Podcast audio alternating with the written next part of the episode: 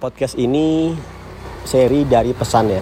Kemarin saya sudah ngasih pesan untuk pekerja pabrik buruh. Sekarang saya ngasih pesan untuk pelajar SMA atau SMK. SMP jangan dulu deh. Meskipun saya belajar coding dari SMP ya, tapi saya akan ngasih uh, masukan ini untuk anak-anak SMK aja. Well, kalau SMP belajar coding that's fine. Saya juga mulai dari kelas 2 SMP. Uh, gini. Di usia kita SMA, kita itu biasanya sudah mulai kepikiran kuliah, kerja, atau mulai peras ada perasaan takut, gentar dengan masa depan. Kamu nggak mungkin terprotek dari informasi misalnya pengangguran, informasi youtuber yang dapat ribuan dolar, informasi anak kecil yang belajar coding dari SD, atau informasi remote working seperti kemarin covid kan uh, working from home jadi rame kan diceritain. Kamu nggak mungkin nggak tahu tentang seperti itu. Kalau kamu udah kelas 3, harusnya kamu sudah mulai berpikir lagi uh, kuliahku akan ke mana. Pasti terpikir. Mungkin kamu malah nggak, mungkin malah kamu nggak akan tahu loh kamu kuliah di mana. Yang mana aja deh yang paling gampang masuk universitas, yang penting kuliah. Banyak seperti itu kok. Teman-teman saya zaman dulu kuliah, satu angkatan banyak yang asal diterima deh ke mana. Setelah itu, setelah masuk kuliah, nggak sesuai bidangnya depresi ada juga nah uh, kalian yang masih usia SMA itu akan sangat produktif dan akan sangat menentukan masa depanmu kalau kamu luangkan waktumu untuk belajar di bidang yang tidak yang di, di bidang yang bukan sekadar pelajaran sekolah. Pelajaran sekolah itu ada SM, IPA, IPS, dan lain sebagainya ya. Kamu tahu fisika, kimia, biologi, sosial, ekonomi, akuntansi, dan sebagainya. Ada banyak sekali. Uh, tapi coba kamu lihat dunia digital. Kenapa? Karena sekarang semua itu digital. Hal yang dulu nggak kebayang digital, sekarang jadi digital. Pertanian, pertanian dulu orang nggak kebayang digital, sekarang udah jadi digital. Sudah ada uh, eh, IOC, uh, eh, sorry IoT, Internet of Things yang mengontrol pertanian. Ada juga perikanan dengan startup e-fishery yang profit triliunan kemarin. Kamu cari-cari aja, e-fishery, profitnya triliunan. Uh, maka dari sisi saya pribadi, saya menyarankan teman-teman SMK, SMA itu wajib punya basic di bidang setidak-tidaknya apa itu digital marketing di dunia internet sebenarnya kamu sudah lakukan itu tanpa sadar kamu lakukan itu maksudnya gini atau minimal kamu jadi konsumennya. Misalnya gini kamu pasti pakai TikTok atau Instagram. Minimal kamu pakai Instagram. Kalau Facebook enggak ya. Biasanya Facebook itu orang yang sudah tua. Dulu SMA SMK nggak ada internet. Sekarang masuk Facebook kan orang tua biasanya di Facebook. Kalau kalian masih muda tuh banyak kan di Instagram atau TikTok. Oke. Kalau kamu pakai TikTok sejatinya kamu adalah konsumen dari suatu proses digital marketing yang dibangun oleh suatu perusahaan di mana perusahaan itu dibangun oleh satu orang awalnya CEO-nya namanya. Chief of Everything. CEO CEO Chief. Chief of Everything. Chief of uh, Eksekutif Allah ya. Oke, nah uh, saat kamu menjadi konsumen dari suatu produk sosial media, maka kamu sudah paham apa yang dimaksud dengan tren, ya kan? Uh, challenge yang aneh-aneh di TikTok misalnya challenge blackout challenge atau ice bucket challenge, kamu tahu seperti itu. Kemudian saat kamu scroll-scroll, pasti kamu akan muncul aplikasi sponsored item atau sponsored content, endorse suatu produk. Nah, kenapa sih orang melakukan itu? Kalau kamu saat ini masih SMK, mungkin kamu belum terlalu belum terlalu punya sen tentang uang ya. Tapi ujung-ujungnya semua itu adalah uang, yaitu proses ekonomi. Proses ekonomi ini terjadi karena kamu punya kebutuhan. Dan kebutuhan itu bisa di-provide atau bisa disediakan oleh seorang penyedia jasa atau penyedia produk suatu perusahaan. Ya, saya nggak tahu. Misalnya kamu suka sering nge-browsing tentang sepatu Nike yang baru misalnya. Sepatu uh, sneaker yang baru ya tiba-tiba ya kamu dilacak oleh Google Google tuh nyimpan data browsingmu kamu kelacak kemudian kamu ngebuka TikTok kelacak pernah ngebrowsing tentang Nike ya nanti muncul Nike deh. Nike muncul. Kecuali di iPhone ya.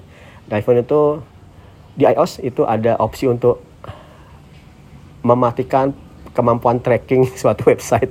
Itu itu parah banget nah jadi kalau di iOS kamu kamu aman. Lebih aman kalau kamu pilih jangan izinkan aplikasi yang nge-track aku, kamu nggak akan di-track. Tapi kalau di Android nggak ada pilihan seperti itu. Kamu asal track. Kenapa? Karena itu dimiliki Google. Dan Google itu bisnis utamanya adalah internet. Iklan. Nah, kembali ke masalah tadi. Kalau minimal di usia SMA, SMK, kamu itu wajib ngerti apa itu digital marketing, apa itu internet, dan pentingnya apa. Kenapa? Kamu bisa banget, tapi saya nggak sarankan, tapi kamu bisa banget setelah SMK kamu nggak kuliah dulu belajar remote working digital marketing coding desain segala macam dan dapat pendapatan beribuan dolar sebelum kamu kuliah. Amat sangat bisa. Kenapa udah banyak teman-teman RWAD remote working Indonesia seperti itu? SMA SMK udah ribuan dolar. Kok bisa? Ya biasa aja. Kenapa? Karena di dunia sekarang di dunia digital tepatnya kamu akan bisa mendapatkan penghasilan tidak perlu menunjukkan kamu kuliah di mana. Tapi menunjukkan skillmu apa? Bener-bener bisa. Anda ya saya nggak akan anda ya anda sih. Anda saya dulu uh, SM, SMK udah zaman seperti ini saya yakin saya dapat pekerjaan di usia saya kelas 1 SMA pasti bisa. Wong saya coding dari SMP dan coding, coding macam-macam banget. Saya coding banget. Uh, sudah buat aplikasi banyak tapi zaman itu kan belum ada belum ada internet jadi saya nggak tahu. Kalau sekarang nih kalau kamu di usia SMP dengar podcast ini kamu bisa banget dapat pendapatan ribuan dolar sekarang juga. Asal kamu suka dulu. Kamu suka coding, suka desain, kita arahkan. Terus, nah cuma masalah gini sih, kalau kamu masih kecil, nari uang itu sulit sih. Minimal kamu 18 tahun, ya pakai nomor ID um, mbahmu, ya ID mbah. Maksudnya ID siapalah kakakmu yang udah 18 tahun, pakai ID, ID mereka, bisa ditarik dananya. Itu aman. Nah, kalau kamu sudah bisa memahami seperti ini, Bukan berarti kuliah itu nggak penting atau kuliah itu opsional, enggak.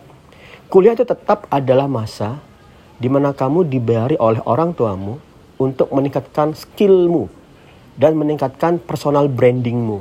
Kata-kata personal branding ini mungkin agak kurang susah dipahami oleh orang-orang zaman dulu ya. Tapi kalian yang lahir di tahun 2000-an atau malah 2000 pertengahan ya 2010 berarti kalian masih 12 tahun ya. Uh, ya gitulah ya benar-benar 2005an 2008 ya. Nah personal branding itu adalah post-post apa sih yang sudah pernah kamu buat di Instagram, TikTok, di artikel Medium dan di berbagai website? Gampangnya itu. Artikel apa yang pernah kamu buat? Kalau kalian ingin dapat kerjaan ribuan dolar dari rumah tanpa perlu ngantor syaratnya itu perbanyak konten yang kamu buat. Tidak perlu kuliah. Tapi kuliah itu adalah sekali lagi ada masa di mana kamu diberikan disupport oleh kedua orang tuamu untuk belajar ningkatin skill. Tapi anda kata kamu nggak mau kuliah sekalipun, nggak apa-apa. Dalam kontrak dapat pekerjaan remote loh. Hanya saja, uh, saya pribadi sekarang saya lanjut kuliah. Saya satu dulu ilmu komputer UGM, MIPA.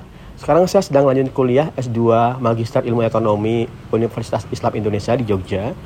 Kenapa? Karena kuliah itu adalah sarana bertarung di dunia akademis sarana bertarung di dunia akademis kamu punya ide kalau kamu kan biasa nge-status di Facebook ya atau di Instagram kamu itu sebenarnya ide kamu nge-status ada yang ngedebat kan Oke, kuliah itu bisa dibilang bagaimana caranya kamu menyampilkan ide dan mendukung ide itu dengan riset saintik, saintifik, dengan data, dengan perhitungan, dan kamu paparkan. Blast, ide ini seperti ini. Kemudian orang yang mau debat nggak bisa asal debat. Kalau kamu debat buat paper yang sama, buat penelitian yang sama silakan debat. Tapi kalau debat itu jelek nggak bisa.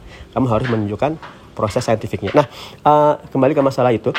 Jadi akademis itu adalah bidang yang berbeda dari dunia pekerjaan. Kamu bisa banget dunia dunia nyata itu keras ya. Kamu bisa banget kuliah tak bertahun-tahun untuk kemudian kerja di bidang yang sama sekali nggak sama dengan apa yang kamu pelajari selama bertahun-tahun itu.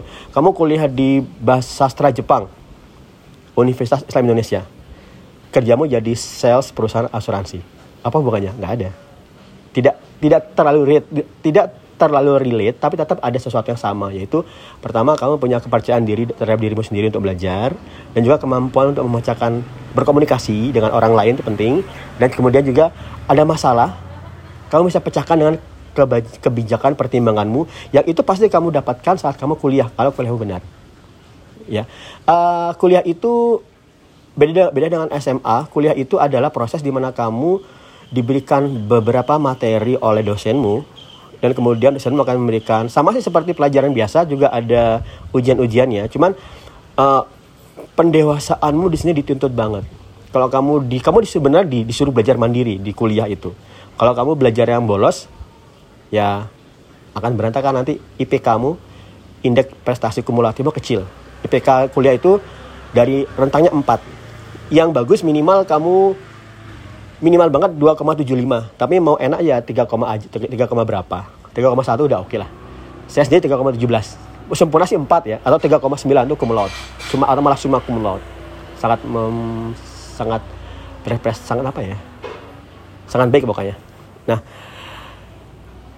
kalau kamu tidak punya rencana kuliah atau orang tuamu tidak punya kemampuan finansial untuk mensupport kamu kuliah, jangan dipaksa orang tuamu. Sebelum kamu lulus SMA atau SMK, tingkatin skillmu di dunia digital. Di RWID kamu akan dibimbing. Nah teman-teman RWID yang SMK banyak loh ya. Ah, ya nggak banyak sih, mungkin hitungannya sepuluhan sih, sepuluhan dari dari dari seribuan ya itu sepuluh aja nggak banyak sih saya harapan akan masuk anak SMK juga kamu jadi awal bagian yang mengawal-awal nih kalau kamu di SMK sudah mulai memahami dunia digital, tidak harus kamu membuat pemrograman website atau aplikasi mobile. Nggak mesti seperti itu. Tapi minimal kamu ngerti masalah apa yang dimaksud dengan marketing. Marketing itu adalah segala sesuatu yang membuat dunia ini berputar lewat transaksi ekonomi. Oke, nah kalau kamu sudah bisa melakukan ini, uh, maka kamu akan lebih paham. Kamu bahkan bahkan bahkan kamu mungkin akan lebih paham kamu akan kuliah ke mana atau kamu paham seperti ini. Sepertinya orang tua aku nggak akan bisa membuat aku kuliah dengan ringan sih. Aku akan ningkatin skill dulu, dapat pekerjaan, kemudian aku membiayai kuliahku terlebih dahulu. Itu terjadi di setidak-tidaknya uh, satu atau dua member di Monoka Indonesia. Mas Ferry, itu lulus SMK nggak kuliah, kerja dulu setahunan, udah dapat ribuan dolar, udah dapat pendapatan tetap, membayari kuliah sendiri 11 juta satu semester sendiri bayar 11 juta bayar sendiri. Kan keren banget kan? Orang tua nggak akan pusing orang tua nggak akan berdebar-debar lagi. Anak anakku kuliah alhamdulillah. Tapi ntar kuliah dapat pekerjaan apa enggak ya? Nggak nggak seperti itu lagi. Udah bisa membiayai, kuliahnya sendiri. Jadi orang tua sebenarnya ya orang tua kalau kalian mengarahkan anak-anakmu belajar dunia digital dengan mana aja boleh RWAD boleh yang lain juga boleh kamu akan meringankan dirimu sendiri anak sudah bisa dapat pendapatan, wah orang tua itu sebenarnya hakikatnya tinggal nunggu anak itu mandiri, pendapatannya ada dan nikah ya kan? Kalau kamu bisa mengarahkan anak dari usia SMP malah SMA punya kemampuan mandiri belajar dan bekerja waduh. Kuliah itu udah bukan beban lagi nggak usah mikir lagi anakku kuliah pakai biaya apa nggak dia akan bisa dapat pekerjaan sendiri. Itu keren banget itu keren banget. Mana ada juga teman member RWID uh, belajar Adobe Premiere, kemudian dia suka gaming, dia buat klip, kemudian hire di Upwork dengan bantuan dari Remote Indonesia, sekarang udah dapat ribuan dolar juga. Atau ya seratusan dolar sih, beberapa ratus dolar udah dapat. SMA lo ya, kelas 2, kelas 3. Jadi sudah dapat uang dia tuh. Kemudian ada juga Mas Doni dari Lampung jauh-jauh ke Jogja belajar dua bulan dari nol tentang perancangan antar muka, user experience namanya UX. Sekarang udah dapat seratusan dolar lebih. Nah, senang kan? Senang banget. Itu akan dikumpulkan untuk biaya kuliah dia kalau dia ingin mau kuliah. Nah, kuliah itu penting, tetap penting. Uh, terakhir ya, mungkin ini agak kepanjang atau mungkin agak berat, saya nggak tahu, semoga bisa diterima. Uh, status sosial kita sebenarnya itu nggak penting-penting amat. Yang mana kamu baik, tidak terlalu peduli pendapat orang lain. Namun, tidak semua orang bisa berpikir seperti itu. Belajar mendapatkan detail sarjana komputer misalnya atau sarjana akuntansi. Itu tetap hal yang mulia. Itu tidak bisa diabaikan begitu saja. Kenapa? Karena juga Allah berfirman Allah akan menerangkan orang-orang yang berilmu di antara kalian beberapa derajat. Itu pasti. Orang yang punya ilmu lebih dari yang lain itu pasti akan meningkat derajatnya beberapa derajat lebih dari orang yang nggak berilmu. Itu pasti. Guru agama ustadz profesor, dosen, itu setara di pertemuan RT aja langsung tuh naik sedikit ya nggak akan itu nggak bisa disamakan bahkan meskipun orang kaya nih ya orang kaya nggak berpendidikan sama orang miskin berpendidikan disejajarkan dalam satu dalam satu pertemuan RT yang miskin berpendidikan itu akan lebih tinggi derajatnya loh ketimbang yang kaya banget tapi nggak berpendidikan. Coba kamu renungkan itu, itu pasti. Maka, eh tapi tiba-tiba saya ingat Bu Susi ya, Bu Susi itu SM, SD kan, tapi jadi menteri. Ah itu luar biasa. Itu itu, itu kasus kasus khusus deh. Itu kamu jangan berpikir seperti itu. Kalau mau berpikir seperti itu, kamu harus lihat seperti dulu. Bu Susi itu perjuangan dia sampai jadi punya Susi Air itu luar biasa. Entrepreneurship dia tuh. Nah, ningkatin ilmumu, kuliah itu tetap bagus dan tidak wajib tapi bagus, recommended tapi tidak wajib dengan dunia yang sekarang. Nah, kalian teman-teman, kalian yang di masa SMK, SMA atau bahkan SMP, pelajari dunia digital sejak sekarang dan insya Allah kamu dan orang tuamu akan memetik berkahnya bertahun-tahun kemudian sampai anak keturunanmu. Oke, salah. Sudah maghrib kita salah jamaah di masjid. Matur